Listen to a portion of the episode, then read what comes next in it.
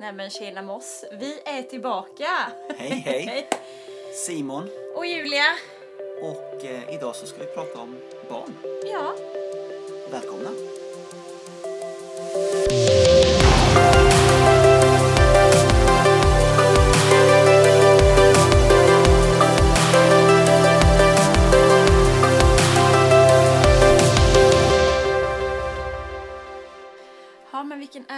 Simon att vi fick komma tillbaka, det trodde vi ju knappt. Nej, men det, det är stort. Ja det är det.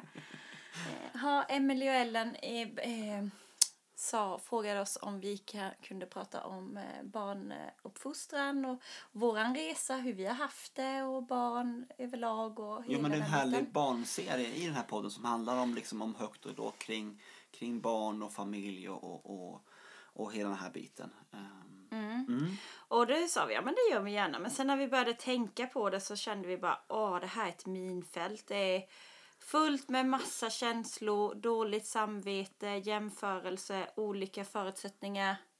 Ja men verkligen, det, det är ju någonting, alltså för att eftersom den här serien handlar om, om barn så, så, är, så, så talar vi till dig som lyssnar som att du har barn och vill ha barn. Det är liksom det är ramen för och kring det här för att, för att vara specifika då. Men med det sagt så, så är ju, även om det blir ett yttre ramverk så, så är det så, så galet mycket som du var inne på, olika förutsättningar.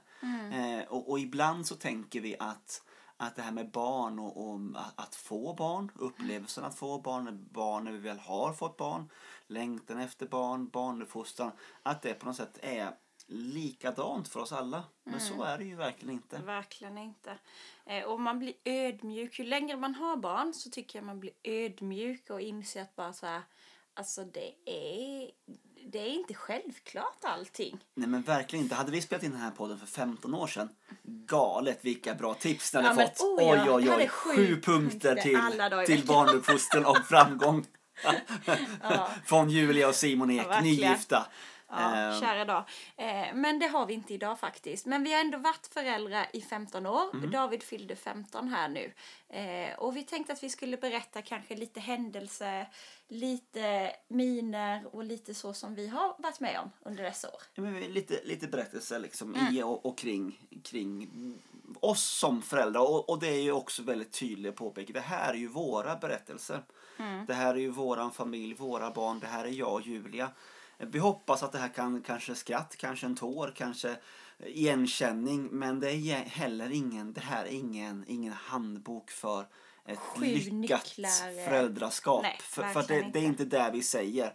Utan så är det berättelserna vi har, vi säger inte att det, att det är liksom rätt eller fel. Men det är, ja, Mm. det är oss. Så är det. Vi har ju varit föräldrar i 15 år då. Eh, och eh, alltså jag minns när vi, när vi eh, skulle bestämma oss att nu ska vi skaffa barn. Eh, det, alltså jag hade ju drömt om barn hela livet. Och tänkt så här, ja men då går det på en gång. Men det gick det ju inte riktigt. Utan vi fick ju, vi fick inte vänta länge men ett halvår i alla fall innan vi blev gravida. Och för vissa är det ju ingen tid alls. Men för oss, det kändes ju som 15 år. Man har ju olika förutsättningar. Mm. Eh, men sen blev vi ju gravida med David och det var ju, lyckan var ju totalt. Han hette inte David på en gång. Vi visste inte om det var en pojke eller flicka för det fick man inte reda på då för 15 år sedan. Ja, man kanske kunde Nej, ja om man betalade en privatklinik eller så men inte så Nej. som det är idag. Men vi hade så här, blir det en pojk så skulle han heta Arvid. Just det, Arvid Ja, var det. kommer Just det, minns jag. Ja. Ja, minns. Jag trodde det var Benjamin. Nej. Som min get när jag var liten. sluta. hade en, en, en get som hette Benjamin. Rasmus Benjamin. Ja. Eh, nej, men det var Varför ett skulle sidospår. vi döpa vår son efter en get? Ja, men det var väl antagligen därför vi inte gjorde det. nej, Arvid. Ja, Ja. i alla fall. Eh, sen eh, så kom dagen eh, då vi eh, då förlossningen sattes igång. Eh, och det gick ju inte så smidigt som vi trodde att det skulle gå. Det var väldigt utdraget och tog väldigt lång tid. Till slut kom han, men eh, jag blev väldigt skadad under förlossningen. Eh, väldigt skadad. De fick sy mig i fyra timmar.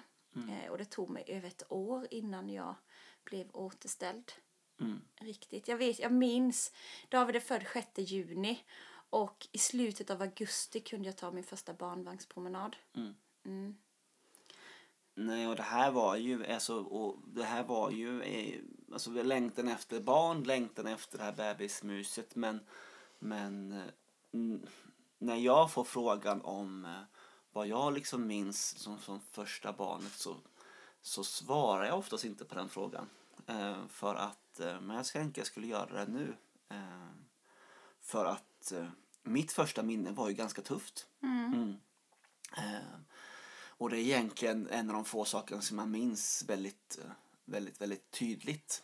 Eh, och det är som Julia säger, att hon blev väldigt skadad. Så att eh, direkt efter förlossningen, innan de har vägt eller mätt eller gjort någonting med David ju, Mm. eh, så rullar de ju ner eh, Julia till operation och säger till mig att hon behöver opereras, eh, men hon är tillbaka om, om någon timma. Eh, och så får jag David eh, i famnen, nyfödd. Eh, och eh, han, han vill ju bara till mamma. Han vill ju till mamma, han vill ju till bröstet och skriker ju och saknar mamma. Och där går jag med honom eh, bärandes i det här rummet som är helt tomt. För de har rullat ut Julia på sängen. Och kvar eh, på den här plastmattan så, så är det liksom så är det det är blod på golvet. Det, är, eh, det ser ganska taskigt ut. Och så man ser liksom, man ser var sängen har stått. För där är det, liksom, är det tomt. Eh, och, den, och så minns jag till den här gula förlossningsfåtöljen för er, eh, som- men, eh, fåtöljen för er som har haft eh, förlossningar i Ekås vid en amnings, gul andningsfåtölj i de här rummen. Eh, och där går jag med David. Eh, och jag går och ber och jag går och sjunger och jag går fram och tillbaka, fram och tillbaka. Timma efter timma efter timma. Eh, och jag vet inte när... när, när eh, Nej, men jag tror att David är född kvart i tolv på natten och jag tror att jag kom upp typ vid åtta på morgonen kanske Mm. tillbaka. Och det var så inte, det var så många som föddes den Ja. natten så det var ju inga personal det som var lite verkligen, kaos. Nej, så det var som ingen varken som... hann städa eller kolla till dig på något vis. Nej. Så du var ju där och du trodde ju nästan att hjälp har hon dött nu? Ja, men det blev väldigt mycket tankar och väldigt mycket funderingar. Eh, eftersom att Julia bara försvann och det var ganska dramatiskt alltihopa. Eh, och där gick jag själv och, och någonstans där så missades jag eh, i liksom alltihopa. Så jag, det liksom, jag undrade vad som hände med Julia. Jag liksom visste inte vad, jag stod ju med ett nyfött barn i famnen och, och kände mig som liksom eh, världens mest otillräckliga förälder. Eh, Mm. och det var början på vårt föräldraskap. Och någonstans så är ju det kanske en, rubrik realistiskt. vi känner i, alltså som alla föräldrar känner, är just otillräckligheten. Ja. Det är ju ändå någonting som återkommer, kan jag uppleva. Ja Eh, men verkligen. Mm. Det kan man väl känna i olika situationer jämt. I Mm. olika säsonger som barnen är i. Ja, Mm. men sen kom jag på benen efter mycket om och men. Mm. Många olika läkarbesök hela den sommaren. Och hösten med. Eh, och sen av någon, det är ju märkligt men man glömmer ju bort hur det var. Så att jag vill ju ha mer barn efter. Jag fattar egentligen inte varför. Men eh, sen ville vi ha mer barn. ja, Eh, och då helt plötsligt var det inte så lätt att få barn. Eh, och. Mm. och då, så då fick vi missfall efter missfall. Mm. Eh, och det var väldigt tufft var det. Eh, det var nog mer tuffare för mig än vad det var för dig. Ja, men det, det håller jag med om. För det var ju, blev ju mycket verkligare för dig. Än Ja men det för mig, är det ju så här, när jag kissar på stickan så är jag gravid på en gång och det blir ju liksom Alltså på något vis så går jag upp fem kilo bara av att kissa på stickan. Jag är gravid. Jag, man blir ett med barnet på en gång. Och det blir man kanske inte på det viset som pappa än för att det är så overkligt. Nej. Men för en kvinna blir det väldigt verkligt och jag mår väldigt dåligt från början. Eh, men eh, första, första missfallet var ju bara liksom, det bara var ett vanligt missfall. Eh, typ innan vecka 10. Så, och det, men det var ju hemskt det. Mm. Men det vet jag att då var det hemma. Eh, men sen blev vi gravida vet så på en gång igen. Eh, och då var vi ju gravida och vi var... Eh, och då också, det låter som att vi fick barn på... alltså för hundra år sedan. Men då fick man inte göra... Eh, eh, vad heter det? Ultraljud i början. Nu gör du ju alltid ett ultraljud eh, typ i tidigt ultraljud. Mm. Men det första ultraljudet var ju vecka 18-20. Eh, och det har man ju ändrat nu på grund av det som hände oss då. För då när vi kom in så så var jag i vecka 13 eller 14 tror jag. Och min bage hade börjat växa. Och jag kunde inte ha på mig vanliga byxor. Jag hade varit tvungen att ha mammabyxor. Och sen så blev det att jag eh, hade burit för tungt i mitt jobb. Så jag började blöda av det. Och då blev jag lite orolig. Och så sa de att eh, ja, men det är ingen fara. Men om du är orolig så åk in och kolla ändå. Och så åkte vi in. Eh, och då helt plötsligt så var vi inte gravida. Men min kropp trodde jag var gravid. Ja, då hade jag varit med om något som heter miss abortion. Och då är det att barnet har dött i magen tidigt. Men kroppen tror fortfarande att du är gravid. Så livmoder och allting växte ju. Eh, och det var väldigt tungt. Eh, för då helt plötsligt hade vi börjat berätta för folk att vi var gravida. Hela den biten. Och då vet jag att vi blev inlagda. Och så skulle de göra en, då skulle det bli en självmant förlossning. Eh, men min kropp vägrade att få ut detta eh, lilla barn. Så jag låg där inne i två dagar i Eksjö och försökte få ut barnet. Men det slutade med en operation sen. Eh, och det, då blev man, då vet jag, jag var jätteledsen sen efteråt. Och jag var helt så här. Alltså man var ju tacksam för att man hade David men ändå var man väldigt ledsen. Mm, det rasade på något Det sätt. där. rasade på något vis. Eh, men något som ändå är väldigt häftigt i det här för att då vet jag jag kom hem och så var vi så här, jag var under isen och så sa du till mig, jag tycker vi ska gå till kyrkan. Och jag ville inte gå till kyrkan. Och då sa du att ja, men vi ska gå till kyrkan. Och då vet jag den kvällen, då gick vi till kyrkan för det var ett möte. Och så sa, och den första jag möts av var en som kom och sa, åh grattis, jag hörde att du är gravid. Ja, tack för den. Där hade jag legat tre eller fyra dagar inne på Eksjö och försökt kämpa med, eh, med denna förlossning. Mm. Eh, och sen, men och då var jag helt knäckt så då satt jag helt, ja jag var helt, men då var det, alltså det, jag var, alltså, jag typ hörde Gud tala tydligt. Det var så här, jag fick nästan vända mig om mitt i all skit. Och då bara, ja du har förlorat två, men jag ska ge dig två tillbaka. Och då helt plötsligt, i allt det här mörka, i allt det här svarta, så tändes det bara ett hopp. Så bara, oj, jag har förlorat två, men Gud ska ge mig två tillbaka. Och då vet jag, jag kom hem till det och sa, jag tror att vi ska få tvillingar nästa gång. Ja, sluta, sa du. Nej, jo men jag tror det. Gud har sagt det nu. Och då var det bara så här, nu har han sagt det, nu kommer det bli så. Ja, jag var högst tveksam. Ja, kära då. Sen blev vi ju gravida igen. Och då när jag är gravid, då spyr jag som en kalv. Och nu började jag spy, alltså som två kalvar. Nej men alltså jag spydde och spydde och spydde. Så då i vecka sju så vet jag barnmorskan sa till mig det här är inte normalt Julia. Vi måste göra ett ultraljud eh, för att kolla så det inte är två.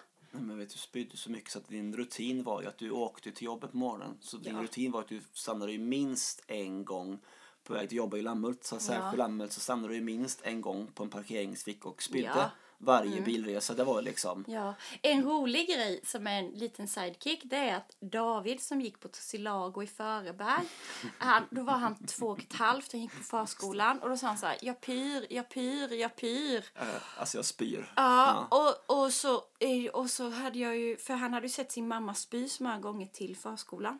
Och då när jag vet att de sa till mig på, alltså lärarna, alltså Julia, David säger att han spyr. Eh, och det är 48 timmar man måste vänta innan man får lämna barnen. Så då var jag tvungen att berätta för dem att jag var nygravid. Det var enda han hörde hemma var ju liksom Julia som sprang runt och sa jag spyr och så sprang in på toaletten och så fort vi åkte bil så spydde hon så det var ju konstant spya. Så det var hans liksom där två och ett halvt år. Jag pyr, jag pyr. Ja. Men då minns jag när vi var i Eksjö. Och så sa de så här, aha, och så gjorde de ultraljud. Och så var det en läkare som bara, ursäkta mig, jag måste bara hämta en, hämta en, eh, en eh, till som får kolla på det här. Och jag bara, ah det är två, fantastiskt. Eh, För jag var helt övertygad om det. Och så, så kom en läkare in och tittade och sa så här, ja jag ser att det är två, såna säckar eller vad det är. Ja. Ja. Eh, det är två barn här i din mage. Du har tvillingar. Och jag bara, åh tack Jesus. Men sen bara, sen är det så att en är- har faktiskt tyvärr dött. Eh, för jag ser bara ett, jag ser två barn men jag ser bara ett hjärta. Ja, och, men vi var ju jätteglada för att vi Ja, var gravida. absolut. Ja. Så vi bara, ja men tack Gud för det liksom. Eh, och sen, eh, men ändå någonstans inne så var det bara så men Gud du har ju sagt att jag skulle få två tillbaka. Det kunde inte släppa mig. Eh, och veckorna gick och jag började spy ännu mer. Och det bara eskalerade. Eh, och då vet jag typ i alltså vecka 12 eller någonting senare sa de så här, men vi måste göra till ultraljud. För det här är inte normalt. Och då åkte jag in själv, du var inte ens hemma. Nej. Nej, och då så var jag bara så här, det är två, det är två. Jag var helt övertygad om det. Och så gjorde de ultraljudet och så tittade sköterskan på mig, eller barnmorskan på mig och så bara, alltså nu får du inte bli nervös. Och ta det lugnt så höll hon min hand. Men det är tvillingar i din mage. Och jag bara, jag vet. och så fick vi Emma och Daniel. Ja, precis. Fantastiskt. Ja. Mm.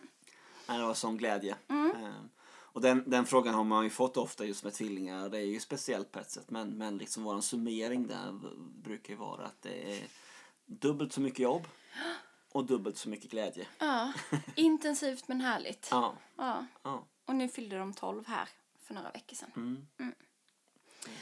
Jag håller fortfarande ihop. Ja, det gör de. Ja, det var lite våran resa till eh, våra tre fantastiska barn. Mm. Några händelser som har hänt tänkte jag vi kunde dela innan vi slutar. Ja men absolut. Och, och det är ju så att, att, att, att vara förälder det stannar ju inte vid när man får barn utan det, det är ju ett livslångt uppdrag på något sätt eh, som, som man ger sig in på. Och, eh, nu vi satt och pratade lite grann om, om, om det här så, så, så att jag och fick lite olika minnen och olika saker. Jag, jag tänker på, på hur, med ärtan. Ja, Med Emma. du då? Ja, Hur gammal kan man ha varit? tre kanske. Tre. Ja. Alltså vi, hemma har vi, har vi alltid haft en regel när det kommer till mat och det är att vi smakar på allt. Vi har ingen, vi har ingen liksom äta upp-regel. Vi har liksom väldigt få matregler men vi har regel och det är att vi smakar på allt. Det, du måste inte tycka det är gott men du måste smaka på allt. Eh, det, det är hårt på Hängnevägen, Sävsjö. Ehm, och eh, då Emma är så här, är någonstans runt tre och någon, det var någon måltid och så var det ärtor. Och det är ju som, det är ju kanske inte de flesta barns favoritmat alltid då.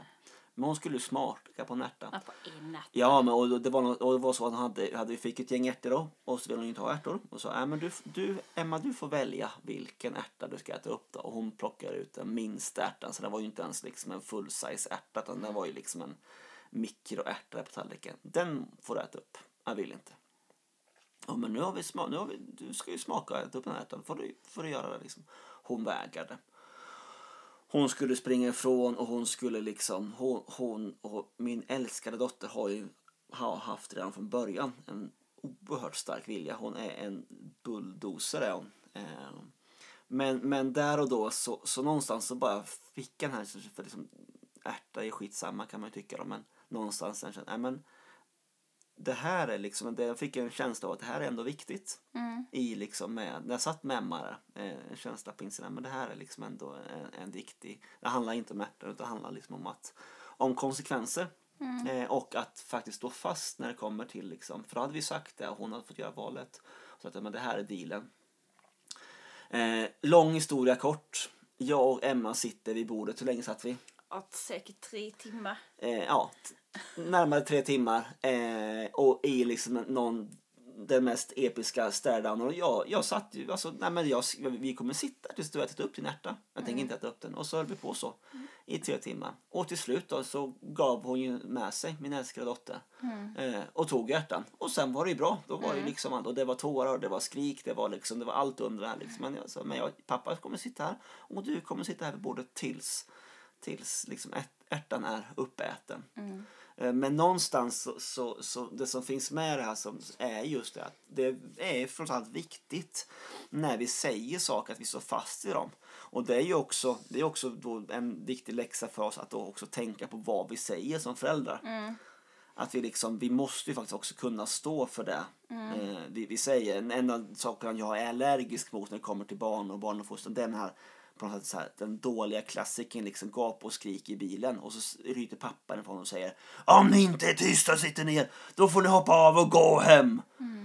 Och, och jag, jag lägger ingen värdering i att, att dina barn får gå hem, det gör jag inte. Men om inte du som förälder faktiskt är villig till 100% att faktiskt släppa av dina barn längs med en bilväg och låta dem gå hem, då ska det ju vara tyst. Ja, alltså det du säger så har så konsekvenser, det måste du också kunna hålla. Om du säger jag kommer sitta kvar här tills du har ätit upp din ärta, ja då kan det innebära tre timmar vid middagsbordet, men då får du ta den, den liksom, den, de konsekvenserna. Mm. Och det kanske låter en skitsak för då en atta, det Ja. var ju en skitgrej egentligen. Men i det stora hela så är det ju liksom vissa grejer behöver man ta strid för. Mm. Och tar man inte det liksom, ja men tar du inte det när de är tre år utan du skjuter upp det, då får du ta det sen. Ja, För en alltså det, annan det är grej. inte en ärta när de är 12 eller 15.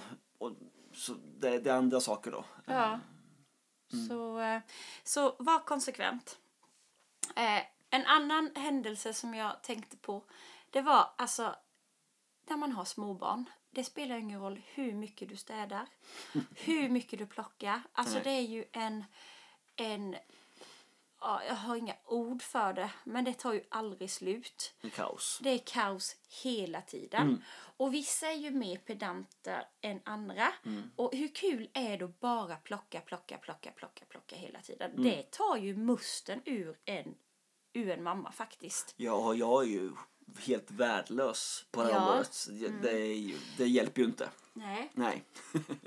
Nej, men då när vi hade tvillingarna till exempel, alltså, och det är ju en speciell tid, då bara, då bara tog de ut legolåda efter legolåda och bara Allt hällde de ut. hittade, hittade de en kökslåda, så tömde de upp Tömde och ner. de hittade de tvättkorgen, tömde de upp och ner. hittade de legolådan ut och ner, upp och ner. Hittade Ja. de, allt var ju bara, allt skulle ju bara ut Ja. konstant liksom. Men jag vet när, för när jag väntade tvillingarna så mötte jag eh, en kvinna som hade haft tvillingar. Mm. Hon bara, Julia, mitt bästa råd är att du måste sänka kraven. Mm. Och när du har sänkt kraven så mycket du tror att du kan, då sänker du kraven igen. Mm. Och det är en lätt mening att säga, men det är supersvårt. Ja. Och för mig tycker jag Kanske det här... svårare för dig. Ja, men just det här då i att hålla ordning. För jag tycker det är skönt, det är en vila i att hålla ordning. Mm. Och, det, och när jag hade ordning, till exempel, då var det så här, åh, frid och fröjd. Men det var ju aldrig då någon ringde på dörren och ville komma oväntat. Nej. Utan när det var som mest kaos, då ringde det alltid på dörren. ja. Och vårat hus är så att det är bara en enplanshus, så du kunde ju aldrig gömma någonting utan allt är bara kom in och allt är välkommet. Och jag minns en gång kommer det ungdomar hem och de öppnar dörren. Det går tre grabbar, tonårsgrabbar. Och hur, hur ser det ut i våra tonårsrum nu? Ja, grabbar, det är ju kaos. Ja. Ja. Så att de är ju vana vid kaos. Så kom de in, tittade först till vänster och sen tittade de till höger. Sen tittade de till vänster igen och sen till höger. Och så sa, det glömmer jag aldrig andra meningen. Alltså Julia, du brukar ha det stökigt här.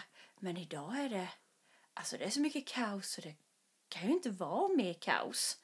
Och det är ju jätteuppmuntrande att höra man som öva sig på att inte slå ihjäl någon. Men Det är ju så här, gå ut härifrån, jag vill aldrig mer se dig.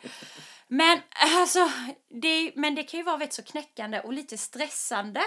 Både så här, åh alltså förlåt det är mina barn och de slänger ut allting. Men bara skit i det, vad gör det att det får vara lite kaos? Det kommer bespara dig massa stress. Ja, onödig stress. Och kanske onödigt bråk. Ja. Eller just så här, vi måste plocka, vi måste, och man orkar egentligen inte det. Ja, men gör det sen då. Vad Mm. gör du om diskens, kvällsdisken står kvar till nästa dag? Det är ju faktiskt inte jordens undergång ibland. Mm. Nej, så länge man hjälps åt med den sen. Ja, det kan ju inte stå verkligen. framme för att, för att, eh, för att en, den andra parten ska ta hand om det dagen efteråt. Men Nej. så länge man gör det tillsammans. Så. Ja. Mm. Så sänk kraven. Mm. Ja, ja, verkligen. har du en mer händelse? Ehm, om jag spolar fram tiden lite grann eh, så, så tänker jag så, så kom eh, David hem eh, en dag, eller en dag, eh, från, eller han, han eh, eh, nu blir det lite rörigt. Vi, vi tar det från början. Eh, ett populärt spel som eh, nu har det lite grann sjunkit med, men för ett par år sedan så var Fortnite, det här är ju, blir ju kanske inte så jätterelevant för alla, men, men Fortnite, ett, ett färgglatt shoot em up-spel. Och David kom hem och, och sa klassikern som alla barnföräldrar har hört eller hör varje dag. Alla andra barn, ja, det är liksom hands up på den liksom. Alla andra spelar Fortnite. Jag vill också spela Fortnite. Dels, jag kommer inte ihåg hur gammal han var, men dels så var han ju under... Han gick typ i tvåan eller trean. Ja, dels så var det ju under åldersgränsen då eh, för spelen som jag tycker jag är ganska bra riktlinje. Alltså att eh, ha ett regelverk att använda sig av. Det finns ju åldersgränser både på spel och film och de här sakerna som, som man kan nyttja av om man tycker det är, är svårt att sätta gränser för, för barn de ska göra eller inte göra. Men, men någonstans där så, jag, jag, min, min historia är att jag har spelat, jag, jag är liksom, har varit en gamer i, när det var liksom gymnasiet och, och ö, över där. Ja. Låter Ja, men- så coolt. Ja, så, låter så coolt. Jag tycker inte det låter speciellt coolt. Låter Men det det så töntigt faktiskt. Ja, jag var en sån här töntig gamer. Så, men jag i alla fall tillbringat ganska mycket tid med, med datorspel. Eh, CS och de här sakerna. Och eh, någonstans så, så är det ju ändå ett, eh, man måste ändå ta en funderare på vad, vad det är för någonting. Det handlar trots allt om, om att, om att eh, liksom skjuta ihjäl varandra. Eh, oavsett om det är färgglatt eller inte. Nu återigen, det här handlar inte om att lägga värderingar, det handlar inte om att, att lägga skuldbelägga eller liksom ifrågasätta dina val som förälder. Utan det är bara berätta hur, hur, liksom, hur det var för oss. Och vi hade ett samtal med David där eh, och, och, och, och sa liksom, men det här är det här och så visar honom CS eh, och så visar honom Fortnite. Vad tycker du är skillnaden med de här då? Ja men det var ju liksom, det är lite färgglatt. Ja men det är färgglatt och så är det lite rolig musik. Men vad går det ut på? Ja, men det, och så hade vi samtal tillsammans. För det tycker jag liksom att, att när man fattar beslut tillsammans och påverkar barnen så tycker jag att ha ett samtal med dem. Sätt liksom inte bara liksom röda linjer och säga men här är förbjudet det här. Liksom. Du bara kör över deras huvud. Nej, utan De- liksom att ha liksom, så att vi satt och pratade. Vi pratade ganska många dagar fram och tillbaka om detta. Mm. Och så, ja men det här, men får vi fundera på det här. Och så hade vi ett samtal fram och tillbaka till Ha ett samtal på deras nivå. Ja, absolut. Ja. Jag ställer frågan, vad, hur tänker du kring det här och tänker du kring det här? Och det gäller ju alla grejer. Ja, absolut. Oh, ja. Mm.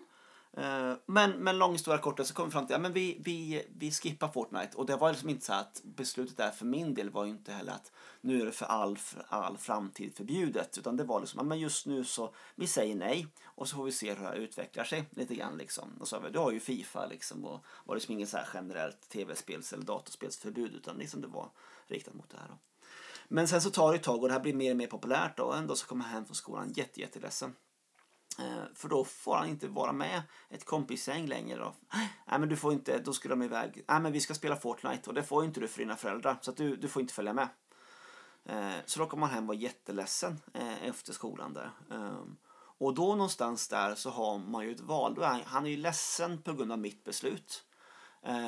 Som, som har drabbat honom väldigt konkret och väldigt tydligt då. Eh, men, men det samtalet som vi hade där om, om varför som han inte kunde göra när alla andra kunde göra det samtalet kan man ta till många olika gränser.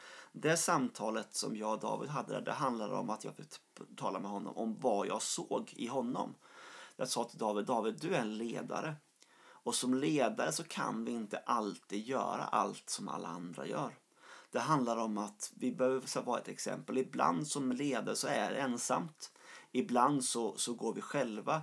Eh, och helt plötsligt fick det samtal som jag fick med David där i tidiga, i tidiga tonår, eh, tidig, tidig ungdomstid. Vad han fick ju handla om, om vad de gåvorna som jag såg i hans liv Eh, och och det, de egenskaperna som han hade snarare än liksom en åldersgräns på ett tv-spel.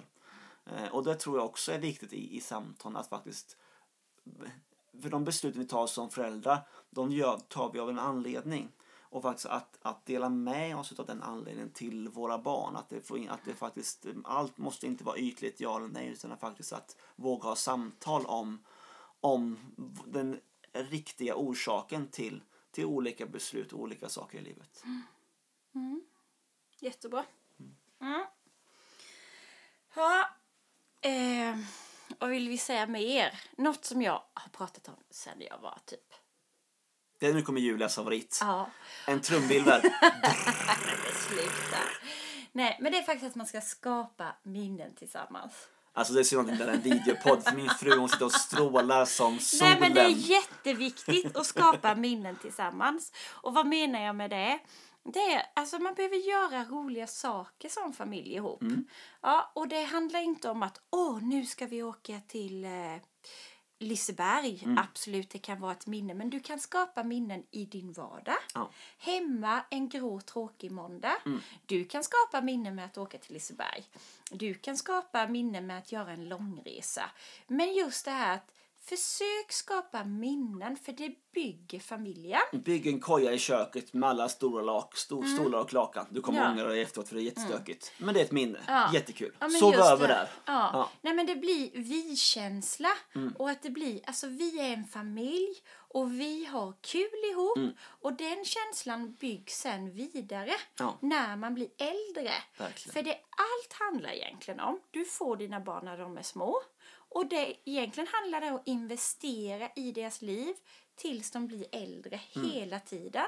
Tills de själv ska stå på egna ben. Mm. Och det du investerar, det du gör, det drar nytta senare. Mm. Och har du inte gjort det, då kan du börja idag. Mm. Och det är inte så att liksom, åh, man måste börja när man är liten. Det är suveränt. Har du små barn, grattis till dig, börja idag. Mm. Men har du inte gjort det, börja idag. Det finns liksom. Men just det här att vi är en familj och vi hör ihop. Men Vi upplever saker tillsammans. Ja. Eh, alltså, Små och stora saker. det är jättehärligt när föräldrarna åker iväg själva på semester. Men vi har föräldrar som aldrig tar med sina barn. Snälla någon, låt barnen följa med. Det är viktigt. Eh, för att det, det blir liksom... Sen när de blir äldre, ja, men vi hör ihop. Då liksom man kommer tillbaka på något vis. Man vill ju ha... Det är superviktigt. Ja. Där kan jag ha sju punkter, men det ska vi inte ha. Nej men det är, men jag, jag håller med älskling. Ja. Alltså just att skapa minnen tillsammans. För att, och det börjar i det små och det är de små minnena som sen också bygger och skapar de här stora minnena som vi bär med oss resten Mm. av livet. Det, det är det. Och, och jag tror att vi alla om vi minns tillbaka så, så är det så olika saker som vi minns. Men, men, men, men att just att, att vara medvetna i, i just minnesskapandet. Eh, att faktiskt Mm. Att när man skapar minnen, då är, är, innefattar det ju att man har tid för varandra också. Eller hur? Så det är så många bitar i det. Verkligen. Ja. Eh, som pappa så kan jag ju känna att eh, jag, eh, alltså i våra familj så är det jag som gör felen. Så är det. Vi har en, Sluta! ja men, ja men det, det är ändå så. Det, det är det är Det gör vi väl allihop? ja men alla gör fel så, så är det. Men, men, men ibland så kan jag känna att jag bara gör fel egentligen. Eh, ja, men det kan jag ändå känna liksom att jag misslyckas ganska ofta som pappa. Eh, och, och, och i liksom, eh, jag brusar upp, jag blir arg, jag blir irriterad, jag liksom, jag gör fel saker. Eh, och, och, och det gör man. Eh, det gör jag fortfarande även om jag lär mig och blir bättre på, på de här bitarna. Men det som, som jag tror är viktigt och som jag bestämde mig redan från när barnen var små. Det var att alltid be om förlåtelse. Och förlåtelse det, det vet vi att vi ska göra, be om förlåtelse. Men det jag har bestämde och satt i system det är att jag, jag ber om förlåtelse till hela familjen. Alltså om jag, om jag brusar upp och blir arg på dig Julia mm någonting händer då. Men åh! Och så blir det någonting liksom. Och så stormar jag ut därifrån. Eh, och, och då funkar det så att jag brusar upp i arg. Då behöver jag två minuter på att varva ner. Eh, och sen så kommer jag tillbaka och sen så förlåt att jag liksom inte, då, kan, då brusar jag upp på Julia. Men ofta så var ju liksom barnen där också och hör ju liksom pappa bli arg på mamma. Eh, utan då, då har jag alltid gjort så att då har jag liksom sagt till allihopa förlåt Julia att jag blev arg på dig. Och sen har jag sagt förlåt till barnen, förlåt att pappa blev arg på mamma. Det var fel av pappa. Eh, nu har pappa sagt förlåt. Ja, jag kan faktiskt vara hans vittne. Han gör faktiskt så här. Ja, Det är faktiskt fint. ja, Ja, och jag gör det tusen gånger också. Men, men, men, men någonstans så, så är det ju jag vill att mina barn ska vara mjuka i hjärtat. Jag vill att mina barn ska lära sig att be om förlåtelse. Och hur ska de kunna lära sig om inte jag säger om förlåt? Jag gör ju fel, det gör vi alla. Men jag kan också välja vad jag gör när jag gjort fel. Och då är förlåtelsen vägen tillbaka. Eh, och att då, då, att då att hela familjen får vara del utav det. handlar om att lära mina barn att säga förlåt. Eh, men det handlar om också om att visa dem att deras pappa gör fel. Eh, och när han gör fel, då ångrar han sig och så ber han om förlåtelse. Och barnen gör ju aldrig... Vi kan ju säga till barnen Mm. vi ska göra så här, men de gör ju det vi gör. Nej. Nej men och vi har ju inte uppfostrat perfekta barn utan vi har uppfostrat barn som gör fel. Men när de gör fel så, Ja, det är inte farligt att göra fel nej, heller. så, får man, så kan man be om Nej. förlåtelse. Ja. Ja. Eh, eh, en annan grej som är faktiskt bra, det är att det bästa du kan göra för dina barn, det är att investera i din relation till din man eller fru. Hur menar du då? Nej men jag menar att, alltså om du har en, älskar du din man eller din fru eller vice versa, då, då spiller det över dina barn också. Ja. Mm. Så det är, investera i det. Mm. Glöm inte bort varandra. Nej, du tänker liksom på de här små liksom Ja, små dejter, små, liksom, men- små handlingar, små, ja. de här ja, sakerna men i vardagen. Småbarnslivet har ju död på, kan ju ta död på vilket äktenskap som helst. eller relation. Ja, det Va? är verkligen, och ibland så går ju verkligen allt fokus Ja. till barn, allt, men någonstans bara, ja men nu gör vi oss som själva, åh nej, men då, ja, det här, och så det är alltid någonting Mm. Som pockar på. någonting. Alltid någonting. Oj, man får dåligt samvete för att lämna bort barnen till sina mor och farföräldrar eller liksom, Mm. Ja. eller, eller att vara borta liksom, göra de här olika sakerna. Åh nej, och nu är han borta, hur ska det här gå? Men, Nej, det, är, men- det är så ja. lätt att man låter allt fokus gå till barnen så att man glömmer bort varandra. Mm, Ja. Och sen helt plötsligt, jaha, oj, nu har det gått några år och sen så bara, jaha, Simon, Mm, Julia, jaha, det vet jag knappt hur det funkar Nej. längre. Nej, och det måste vi påminna oss alltså i alla olika alla olika säsonger, alla Mm. olika tider, alltså småbarnsåren, mellanåren, tonårsåren, alltså allt Mm. det här, att faktiskt investera, ta tid med varandra. Ja, för att det är det vi som föräldrar som bär familjen. Ja. Mm. Mm. Ja. Det är väldigt sant. Mm. Du är så klok älskling. Oh ja, oerhört. Ja. Eh, nå- någonting som när barnen blir lite större och, och äh, större men, men när, som vi gör när vi sitter runt matbordet. Vad gör vi då Julia? Nej men jag har, för mig är det väldigt viktigt att man ska kunna prata hemma om allting. Ehm, och vissa barn älskar ju att prata och vissa barn pratar lite mindre. Och det blir väldigt tydligt när man typ har, när de har börjat förskolan eller när de har börjat skolan. Och så kommer de hem från skolan. Ja, hur har din dag varit? Den har varit bra. Har vi haft vissa barn, behöver inte nämna vilket barn. Jaha, vad har ni gjort? Nej, ingenting. Nej, och så har de varit borta sex timmar. De har gjort massa grejer. Och sen kan det komma en kompis som berättar. Ja, idag hände det här och det här och det här. Och David blev... Eller, nu sa jag David. Nej, man blev ledsen. Ja, men snälla någon. Och så sa ingenting då. Medan ett annat barn kan berätta liksom så man inte får en syl upp, i vädret. på liksom Ja, som bara, ja, ja, men det blir bra. Nu, nu slutar vi prata. Nu behöver vi inte liksom. prata mer om, nu har vi pratat 45 minuter om en 10 minuters rast. Ja, Ja. snälla någon. Man tröttnar efter tre sekunder. Men då insåg jag bara, men kära dag, jag vill att mina barn ska kunna prata med mig om allting. Och inte bara, hur har din dag varit? Jag må lära sig Och också lära att, sig att att prata. prata. Mm. Mm. Och då, men det kan jag ju inte förvänta mig när de är 15 år att de ska prata med mig. Om de aldrig har börjat prata med mig när de är små. Så därför har vi haft en regel sen barnen var jättesmå. Mm. Att när vi äter middag, som vi gör tillsammans. Mm. Eller, Det är mm. väldigt viktigt. Det är en annan punkt, den har vi glömt. Men det är viktigt att äta mat ihop. Mm. Eh, för där styrker man också gemenskapen. Eh, då går vi laget runt. Hur har din dag varit? Mm. Ja. Och ibland har den bara varit bra och inget mer. Mm. Men vi märker genom åren hur det utvecklats och att vi verkligen har fått ha ibland bara ytliga samtal men även att de djupa samtalen har kommit i det. Mm, verkligen. Och ett, bara ett, ett tips i all värme till dig som förälder då. Alltså, och, och det är ju samma i alla, i alla samtal, att ställa motfrågor. Alltså, ja, men det var bra. Vad har, varit, bra? ja. Ja. Eh, Jag spelade fotboll. Okej, vad kul. Vad hände på fotbollen? Mm. Mm. Det hjälper också mig. Alltså jag, jag, jag kan ha svårare att gå ner i varv. Jag kan vara uppstressad efter jobbet. Julia, du är en fantastisk gåva. verkar vara närvarande på ett sätt som jag verkligen beundrar dig för. Ja, det var snällt Eh, sagt. Men, men jag har svårare med det här med närvaron. Det hjälper mig. För mig är det så här praktiskt. Det låter jättedött och tråkigt. Men för mig är det ett så bra redskap att ställa motfrågor. För det hjälper mig att komma ner i varv.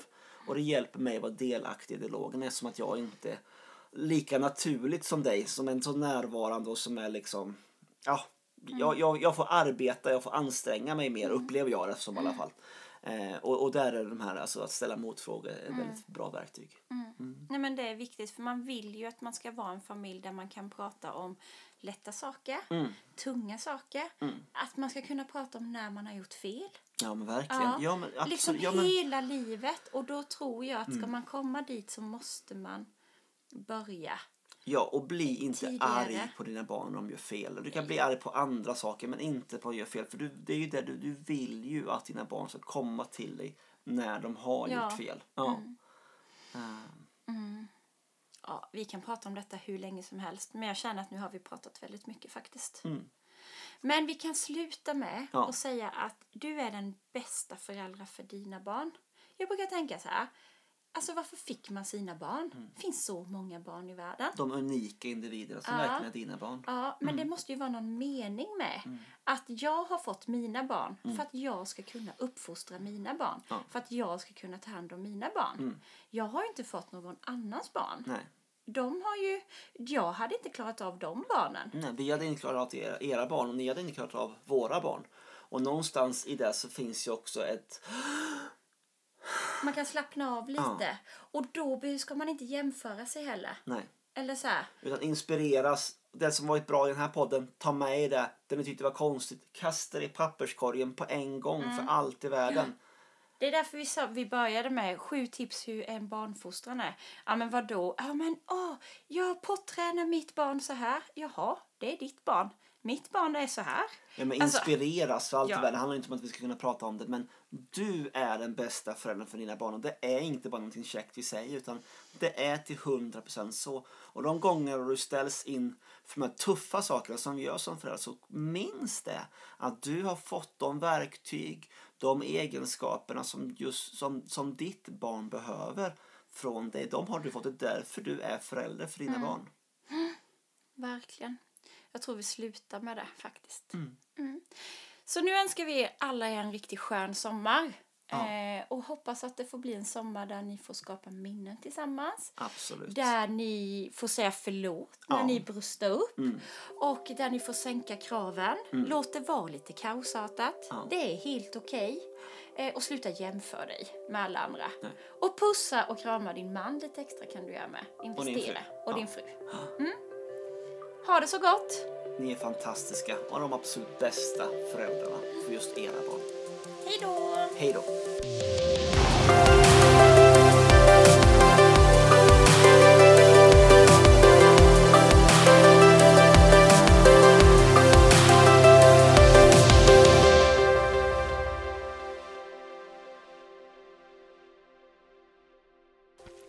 Du har precis lyssnat på vår podcast som heter Ellen och Emily är lite sant och lite galet. Jättekul att du har valt att lyssna på oss. Om du vill ha mer information så finns vi under Instagram och Facebook och du hittar oss på namnet Ellen och Emily. Så in och kika där, följ oss och tipsa gärna podden vidare. Tjingeling!